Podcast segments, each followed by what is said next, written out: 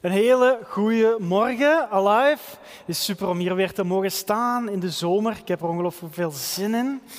Um, het is super om jullie allemaal te mogen zien. Super dat jullie hier zijn. Um, er is geen plaats, zoals de kerk, Christine heeft al gezegd, er is geen plaats zoals zondagochtend om hier te zijn. Ik zou nergens anders in de wereld willen zijn als hier met jullie nu.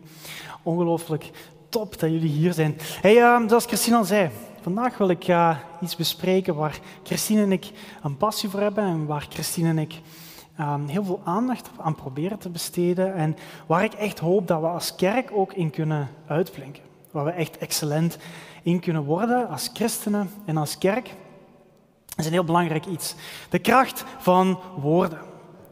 Onze woorden die kracht hebben. Denk erover na hoe, hoe krachtig woorden zijn. Ik denk aan Jezus, die 2000 jaar, een man die 2000 jaar geleden op aarde heeft rondgelopen. En we zijn 2000 jaar later spreken we nog altijd over zijn woorden. En zijn woorden hebben de grondslag gelegd van wie we zijn als westerse maatschappij. Een maatschappij waar er rechtsstaat is met rechtvaardigheid, maar ook een maatschappij waar er omgekeken wordt naar, naar de zwakken. Allemaal terug te leiden tot wat Jezus gezegd heeft. Ik denk aan dingen als onze grondwet, onze wetten, dat zijn gewoon woorden op papier, maar toch vormt het heel ons land. Is het het fundament van heel ons land. Ik denk aan Martin, Martin Luther King, die zei: I have a dream. En dat niet gewoon bij woorden is gebleven, maar dat effectief verandering is gekomen, gelijkheid. Of toch op weg naar gelijkheid. Woorden hebben ontzettend veel kracht. Misschien heb je al eens iemand ontmoet die verbitterd was, die, of misschien die wrok had, of, of iets in zijn binnenste zat, omdat er ooit iets over hem was uitgesproken. Ooit is, had een leerkracht gezegd dat hij het niet goed deed, of zijn ouders die misschien niet genoeg eh, bevestiging gaven. Maar het, omgekeerde kan ook. Soms ontmoet je mensen die ontzettend gedreven zijn, die een roeping hebben, die weten wat ze hier op aarde moeten doen. En dat komt heel vaak terug tot iemand die ooit eens zei, amai, dat doet je echt goed. Daarvoor zit je echt gemaakt. Woorden hebben ontzettend veel kracht. Soms kunnen relaties op de klippen lopen, helaas.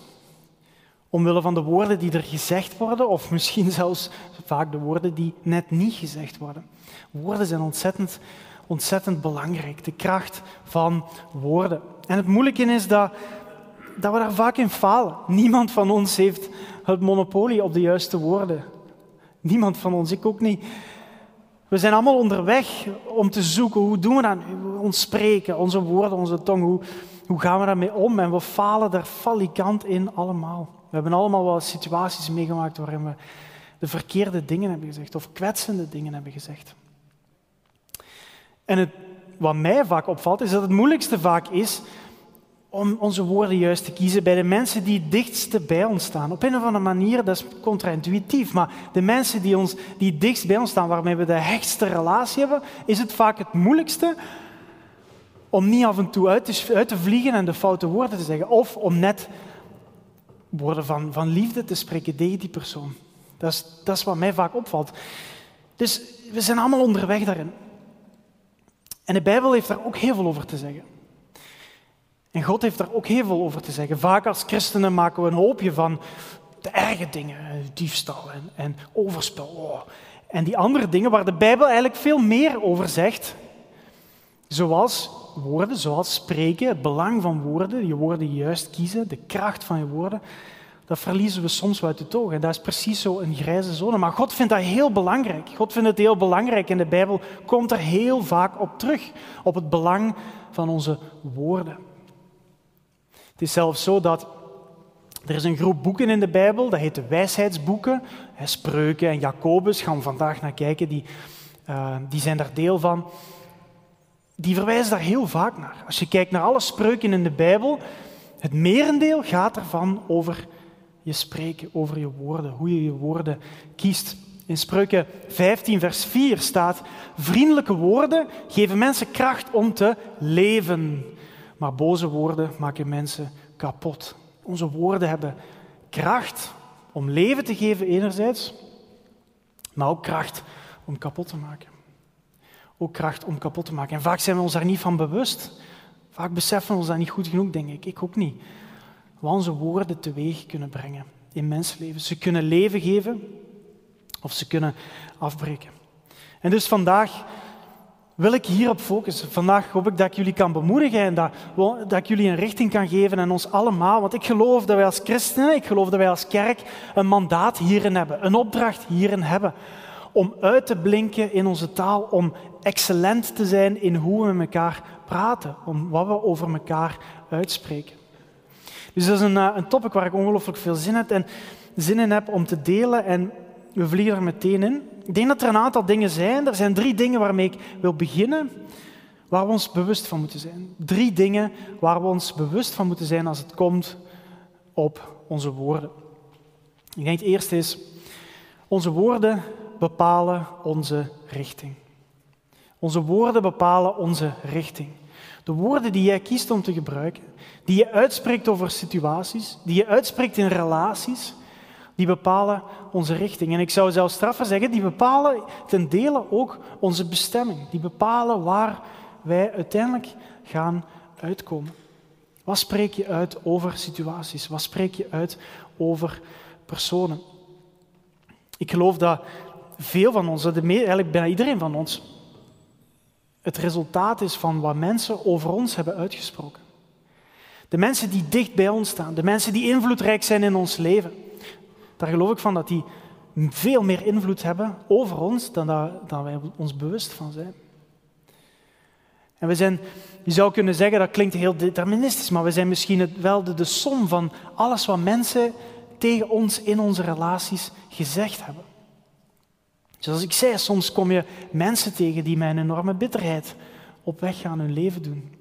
Door ooit woorden die ze gezegd hebben of die over hun gezegd zijn. Of soms kom je mensen tegen die in een ontzettende goede omgeving zijn grootgebracht. We weten allemaal het belang van leven spreken over onze kinderen bijvoorbeeld.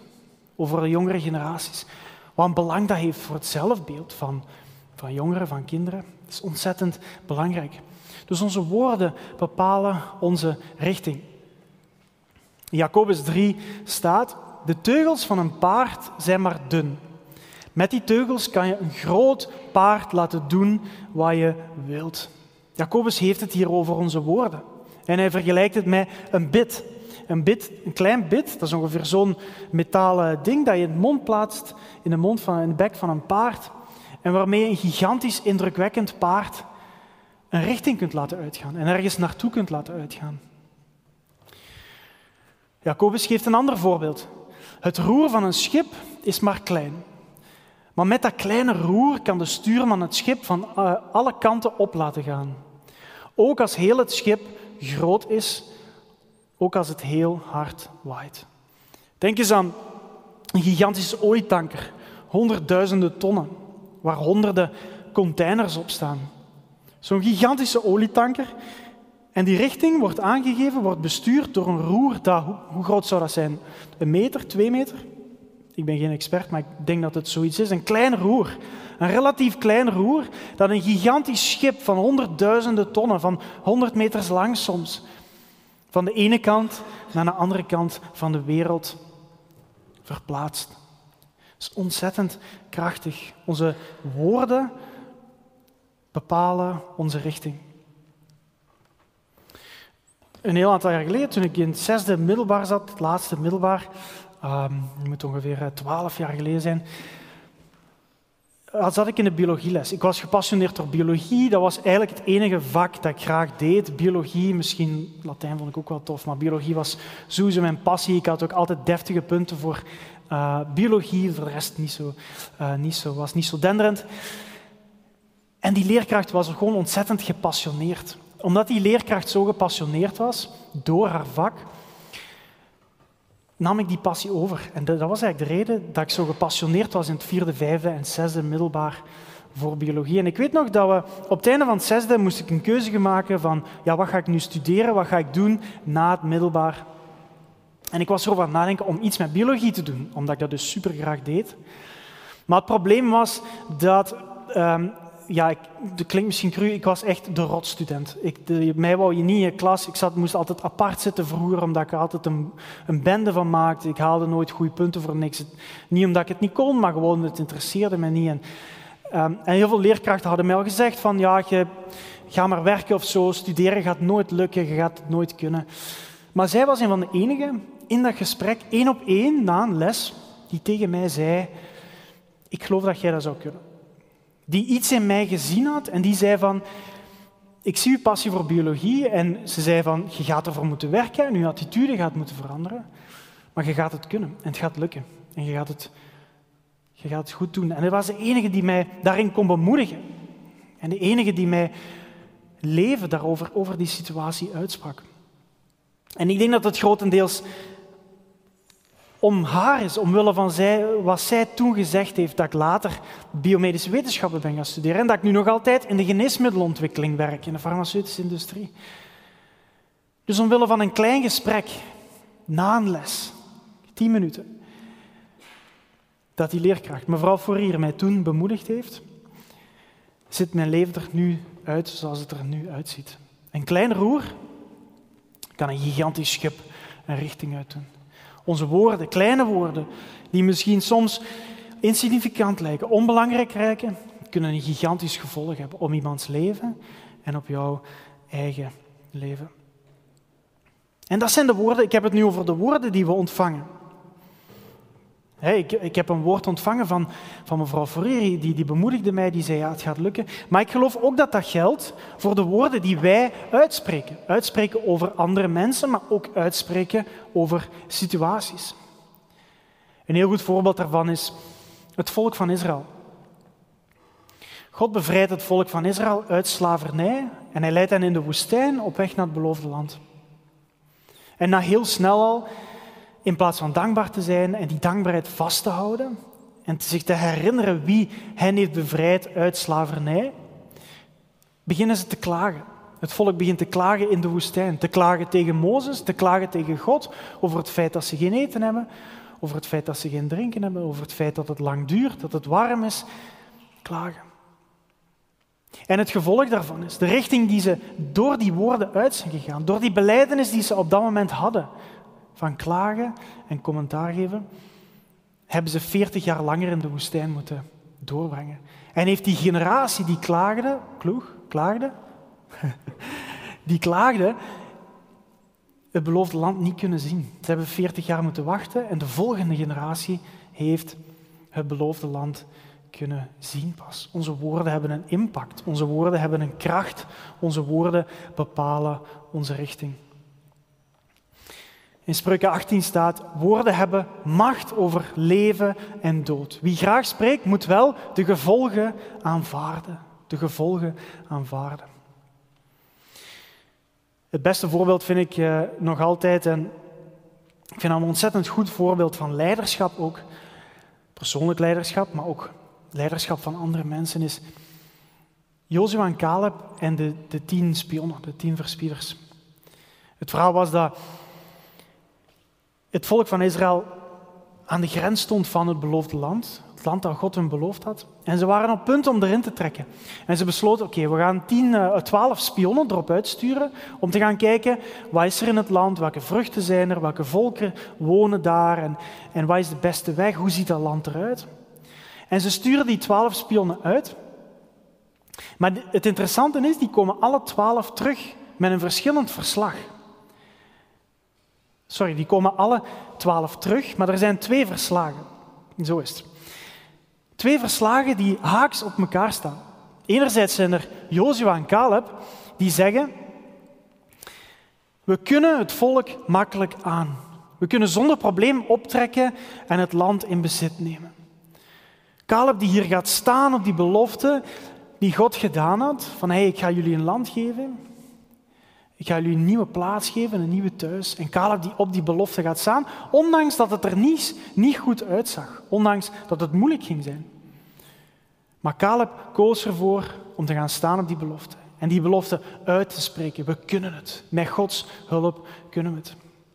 En die andere tien, die hadden een heel andere beleidenis, een heel andere overtuiging, een heel, ander, heel andere woorden voor de situatie. Ze zeiden, we kunnen het volk niet aan. Het is te sterk voor ons. We kunnen het niet. En ook hier als je verder bladert van Numeri naar Jozua, zie je dat de zegen op Jozua en Caleb komt. Omwille van deze beleidenis die ze hier hebben gedaan. is hoofdstukken later hun richting, hun eindbestemming gigantisch anders. Helemaal anders. Je zou het zo kunnen zeggen. Onze woorden bepalen onze bestemming, maar wij vormen onze woorden en onze woorden vormen ons. Wij vormen onze woorden en het zijn onze woorden die ook ons vormen. Ontzettend belangrijk. Ik denk dat God dat ontzettend belangrijk vindt. Wat, vindt, wat wij uitspreken over andere mensen, wat wij uitspreken over situaties. De keuze is aan ons. Wat spreken wij uit over situaties? Wat spreken wij uit over een moeilijk jaar als 2020, 2021? Wat voor veel van ons een heel moeilijk jaar is geweest. Maar de keuze is aan ons. Wat spreken we uit over ook de moeilijke situaties? Wat spreken we uit ook over de mensen die soms moeilijk zijn? Het tweede wat je moet weten over woorden is, mijn woorden kunnen kapot maken. We hebben het al gelezen in, in spreuken, in twee spreuken zijn we het al tegengekomen. Mijn woorden kunnen kapot maken. En we denken vaak aan externe omstandigheden of misschien echt fysieke wapens om dingen kapot te maken. Ik denk, en de Bijbel zegt dat ook, dat onze tong vaak veel meer kapot kan maken dan al die dingen bijeen. Relaties, uw carrière, onze organisaties waar we deel van zijn. Het eerste wat, ze mij leerden toen ik begon te werken in, in de firma waar ik um, een aantal jaar geleden, mijn eerste job, een van de eerste dingen die ze erin dramde daar was, het duurt jaren, stap voor stap, om een relatie op te bouwen met een klant of met een leverancier of zo. Maar het duurt seconden om dat vertrouwen te breken. Jaren duurt het om een relatie op te bouwen, om iets goeds op te bouwen. Maar in wat je in één zin of twee zinnen kan zeggen, kan je dat vertrouwen volledig in tien seconden onderuit halen. Onze woorden hebben ontzettend veel kracht om ook dingen die we opgebouwd hebben kapot te maken. In Jacobus, een heel straf vers. Jacobus geeft hier vol gas om ons het punt duidelijk te maken. Onze tong lijkt op een vlammetje maar dan een vlammetje van het vuur van de hel. Want onze tong doet veel verkeerd. Met dat kleine deel van ons lichaam maken we grote fouten. De slechtheid van onze tong maakt ons hele lichaam slecht. Het hele leven wordt erdoor verwoest. Wow, serieus vers. Jacobus geeft hier serieus gas om zijn punt duidelijk te maken. Onze woorden hebben impact. Onze woorden zijn belangrijk. Onze tong is als een vuur, is als een vlammetje. Ik moest denken aan uh, de bosbranden die we hebben meegemaakt in Australië, bosbranden in Australië van 2019, 2020. En daarbij is zes keer de oppervlakte van België, zes keer de oppervlakte van België afgebrand. Beeld je dat eens in. En dan maanden later, toen ze nog aan het blussen waren, zijn ze gaan proberen kijken van waar komt dat nu vandaan? Wat is de oorzaak van die bosbrand geweest in Australië? En bleek dat een blikseminslag. Eén blikseminslag de oorzaak is geweest van die bosbrand. Een blikseminslag van hoe lang zou dat duren? Een halve seconde, 250 milliseconden, maar die wel een oppervlakte van zes keer België helemaal plat gebrand heeft. Eén kleine vonk en een gigantische bosbrand. Zes keer de oppervlakte van België. Onze woorden hebben impact. Ik denk, als je één ding vandaag meepakt, één ding vandaag meepakt, is het dat onze woorden veel krachtiger zijn dan dat we denken. Onze woorden een impact hebben. En nogmaals, de keuze is aan ons. Wat spreken we uit? Ik hoop dat we als christenen, ik hoop dat we als kerk bewuster kunnen zijn van onze woorden. Dat we onze woorden bewuster kunnen kiezen. Dat we leven uitspreken. Dat we Gods beloftes uitspreken over situaties. Dat we uitspreken dat we winnaars zijn. Dat er een God is die goed is, die van ons houdt. Ondanks dat ons leven niet altijd loopt zoals we het willen. Ondanks dat ons leven niet altijd positief is. Maar dat we onze woorden kunnen kiezen. Woorden van leven. Het derde wat je moet weten is, mijn woorden laten mijn hart zien. Mijn woorden laten mijn hart zien. Ik denk, dat is een, een, bekend gezegde, dat kennen jullie allemaal, komt ook uit de Bijbel, gaan we straks bekijken. Waar het hart van vol is, loopt de mond van over. Waar het hart van vol is, loopt de mond van over. En ik, ik geloof er echt in. Dat wat er in ons hart zich afspeelt, een effect heeft van, op onze woorden. En als ik iemand hoor die veel kritiek heeft en veel commentaar heeft, dat ik, ik hoef daarom die persoon niet te veroordelen, dat ga ik nooit doen. Dat gaan we nooit doen als kerk. Maar dat vertelt wel wat er in je hart afspeelt. Wat er in je hart afspeelt, komt er in, in je woorden naar boven. Jacobus 3. Jacobus gaat hier verder over woorden.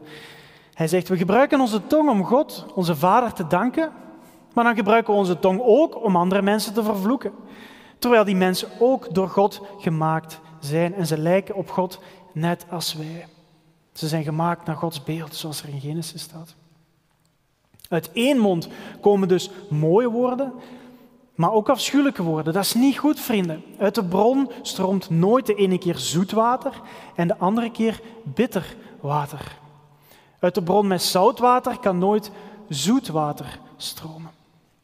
Altijd als de Bijbel over een bron spreekt, heeft het het over het binnenste. De plaats van waar al onze beslissingen, alles wie we zijn, stroomt. Ons hart. Helemaal het binnenste. Ons hart en onze mond zijn verbonden. We kunnen die niet scheiden. Waar de mond van vol is, loopt het hart van over. En hoe kan dat dan? Als ons hart vernieuwd moet worden.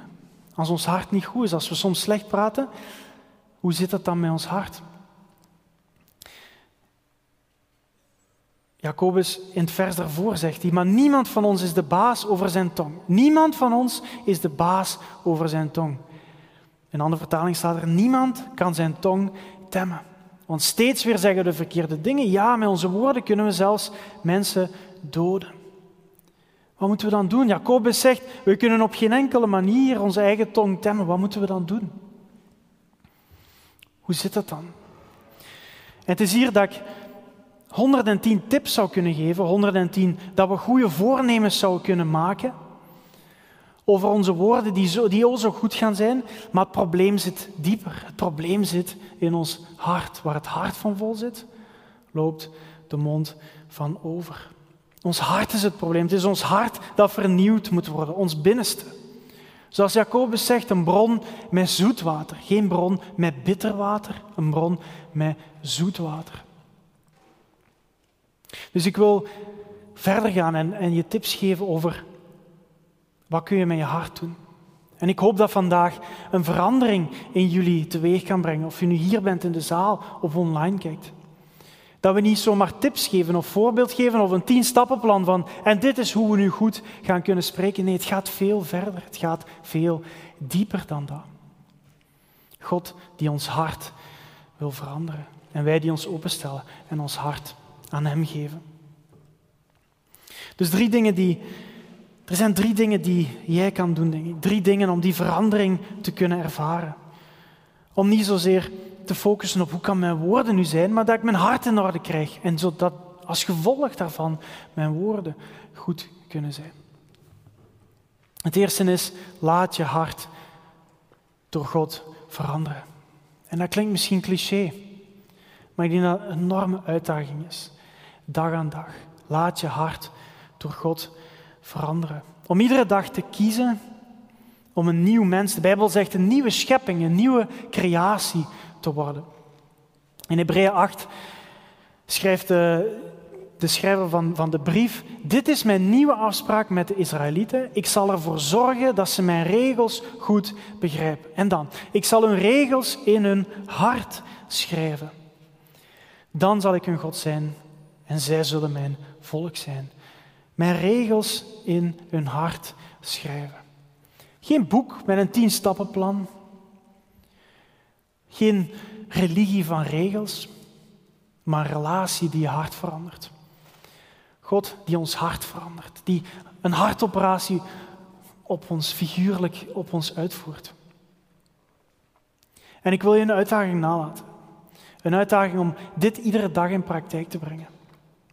Dat is een gebed dat je kan bidden, dat ik heel vaak bid. En dat jij ook kan bidden, een heel simpel gebed. In Psalm 19 staat, mogen de woorden van mijn mond en de overleggingen van mijn hart, alles wat er in mijn hart zich afspeelt, u welgevallig zijn. Dat u er trots op mag zijn. De woorden van mijn mond en alles wat er zich in mijn hart afspeelt, dat dat van u mag zijn. Dat u er trots op kan zijn. Merk op dat hier opnieuw hart en mond verbonden zijn. Je kunt die niet scheiden, die twee staan in verbinding. En dit is een gebed dat je iedere dag opnieuw kan bidden. Er is geen één moment in je leven dat het komt en dat het dan allemaal in orde is. Het is een leven lang, iedere dag opnieuw.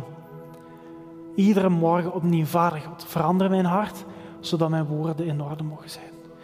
Breng leven in mijn hart, zodat mijn woorden vol leven mogen zijn. Maak mijn hart rein, zodat mijn woorden rein mogen zijn. Op een andere plaats in de psalmen staat er, schep of maak een nieuw hart, een rein hart in mij. Verander mijn hart, iedere dag opnieuw. Vader, geef mij een puur en rein hart. Geef mij een rein hart. Alleen God is het die harten kan veranderen. Wij kunnen onze tong niet temmen, omdat we ons hart niet kunnen temmen. Alleen God kan harten veranderen. Alleen God kan harten rein maken. Het tweede wat je kan doen om je hart in orde te houden is, zet een filter op wat je binnenlaat. Wat erin komt, gaat er ook weer uit. In Matthäus, Matthäus 12 staat, waar het hart van vol is, hier hebben we dat gezegde vandaan. Waar het hart van vol is, loopt de mond van over. Iemand die goed is, haalt uit zijn goede voorraadkamer goede dingen tevoorschijn. Iemand die slecht is, haalt uit zijn slechte voorraadkamer slechte dingen tevoorschijn. Ons hart is als een magazijn, als een loods. En constant worden er dingen ingeladen. En wat erin wordt geladen, zoals bij een magazijn of een distributiecenter, gaat er ook weer uit. Maar de keuze is aan ons. Wat, wat laten we toe in ons leven? Wat laten we toe dat mensen over ons spreken? Negativiteit?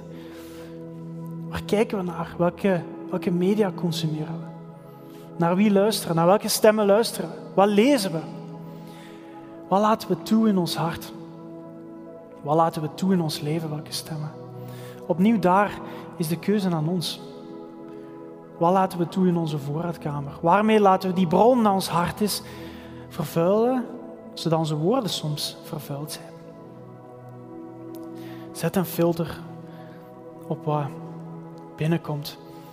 In spreuken staat het op een andere manier. Spreuken 4. Bewaak daarom boven alles je eigen hart. Want daar ligt de bron van al het leven. Daar in je hart, daar vloeit alles uit voort. Bewaak je hart. Bewaak je hart. Het derde wat je kan doen is, als je die twee onder de knie hebt. Nummer 1, Vader, verander mijn hart iedere dag opnieuw. Maak een nieuw hart, een rein hart in mij. En twee, ik ga nadenken over wat ik binnenlaat. Welke stemmen er over mijn leven uitgesproken worden. Het derde wat je dan kan doen is, en alleen dan kan je beslissen om leven te spreken. Kan je beslissen om mensen te gaan bemoedigen. Om leven te spreken, Gods beloftes uit te spreken over situatie. In een cultuur waarin er zo wordt gehamerd op zeg je gedacht, geef kritiek, social media, bla, en iedereen maar tippen. In een cultuur als dat kunnen wij tegen de stroom in, zwemmen en zeggen, ik ga Gods beloftes uitspreken, ik ga eren. Het is zo makkelijk om te klagen, het is zo makkelijk om commentaar te geven, het is zo makkelijk om problemen te zien in mensen. Maar God zegt, we gaan toch tegen de stroom inzwemmen. En ik geloof dat we als kerk tegen de stroom kunnen inzwemmen en zeggen, we hebben Gods beloftes, God is aan onze kant. Hij geeft beloftes van leven. Wij kunnen mensen eren omdat de Heilige Geest ons liefde geeft voor mensen. Tegen de stroom inzwemmen. Beslissen om leven te spreken. En op het einde van deze preek wil ik je vier woorden meegeven. Vier woorden die jij kan gebruiken. Die jij kan gebruiken in je, je werkplaats, op je werk. Die jij kan gebruiken hier in de kerk. Die jij kan gebruiken in je gezin, in je familie. Vier woorden die jij kan uitspreken om leven te spreken. Om leven te brengen waar jij ook bent. En het eerste is woorden van affectie. Woorden van liefde. Ik hou van jou. Ik hou van jou. Vaak onderschatten we zo hoe onze familie, onze partner, ons kind, onze kinderen, onze kerk dat nodig hebben om te horen, hey, ik hou van jou. Ik geef om jou, je bent belangrijk. Ik wil voor je zorgen. Er is iemand hier vandaag die online kijkt of hier in de zaal zit, die dat nodig heeft om te horen. Wij houden, wij houden als kerk van jou. We geven om jou. We zijn er voor jou.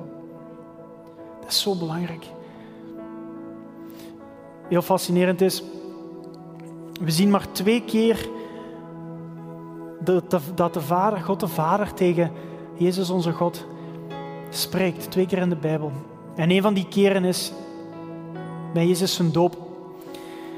Als Jezus gedoopt wordt, komt er ineens een stem uit de hemel. God de Vader die naar Jezus toespreekt en zegt, dit is mijn geliefde zoon. Dit is mijn zoon die ik lief heb. In hem vind ik vreugde.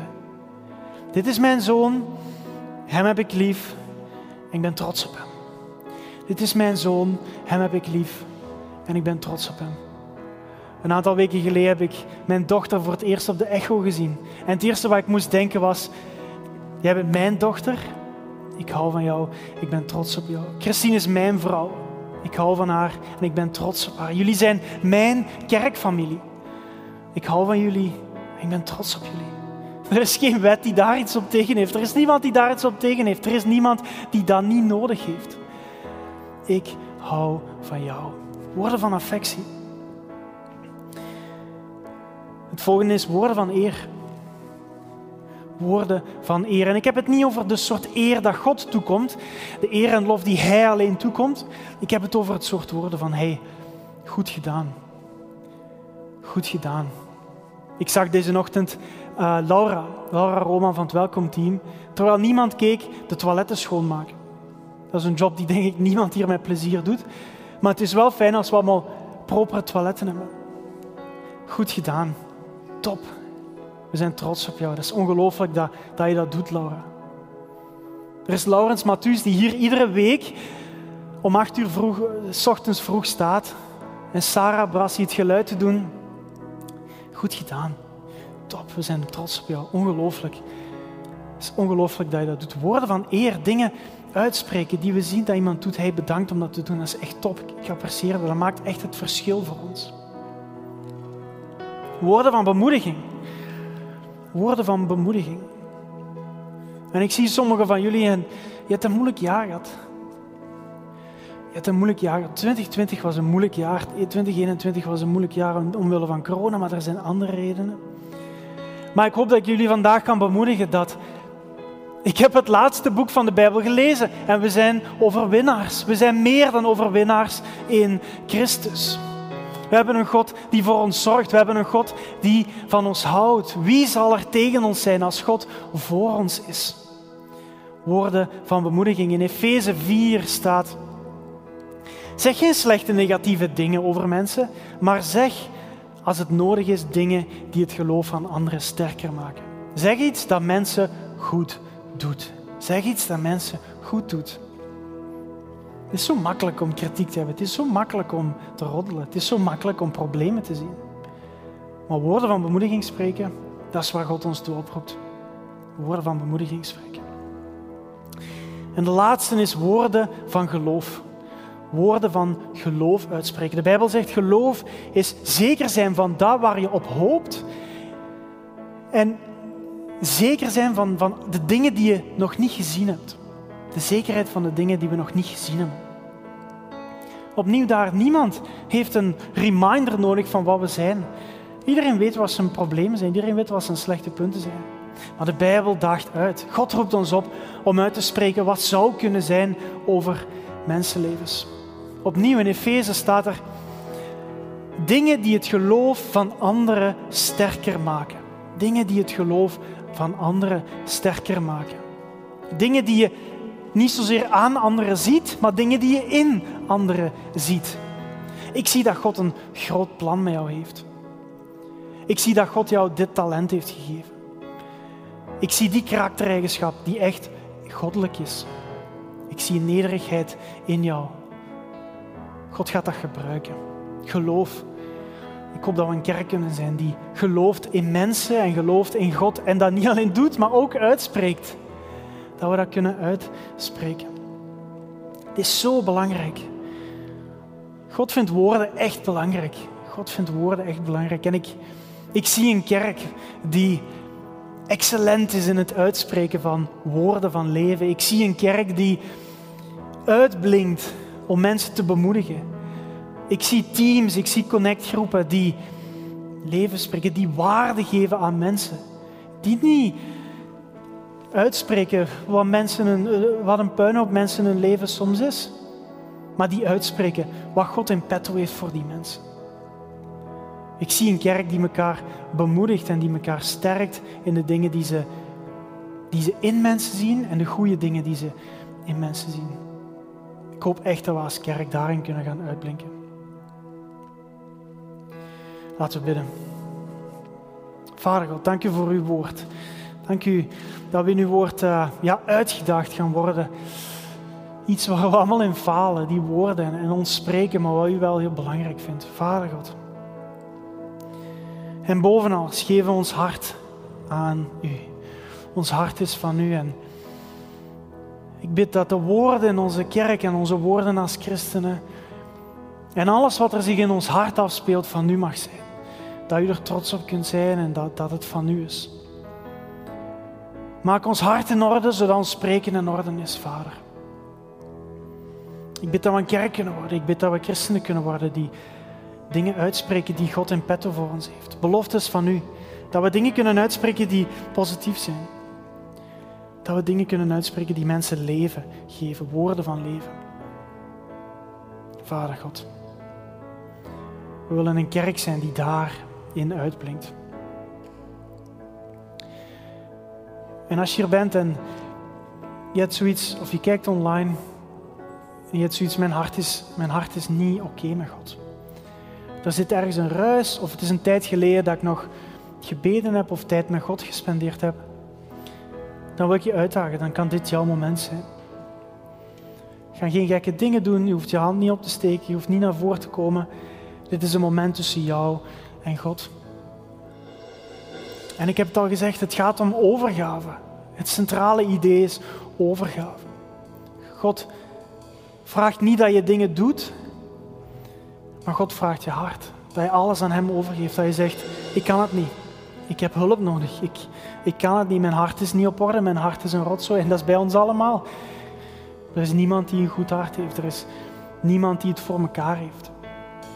Maar dan kan jij op dit moment zeggen, hier is mijn hart, Vader. Mijn hart is van u. En als jij dat bent op dit moment, dan wil ik je uitnodigen om, om met mij mee te bidden. Om je hoofd te buigen, om je ogen dicht te doen. Vader God, u ziet wie naar u uitreikt. U ziet wie zijn hart op orde met u wilt. Vader God, reik naar hen uit zoals u doet. U zegt, zie ik sta aan de deur en ik klop. En op dit moment staat u aan de deur en u klopt op op het hart van, van sommige mensen die online kijken of die hier in de zaal zijn. Ik bid voor een nieuwe start met God. Vergeven, vergeven dat ze hun leven zonder u hebben gedaan. En ik dank u voor de nieuwe start die ze kunnen maken, hier en nu met u. Vader God, ga met hun op pad. Ja, u bent goed en trouw om met ons op pad te gaan, om ons een nieuw hart te geven, dag aan dag. We houden van u, we vertrouwen op u. En we zijn van u, ons hart behoort u toe. Amen. Amen.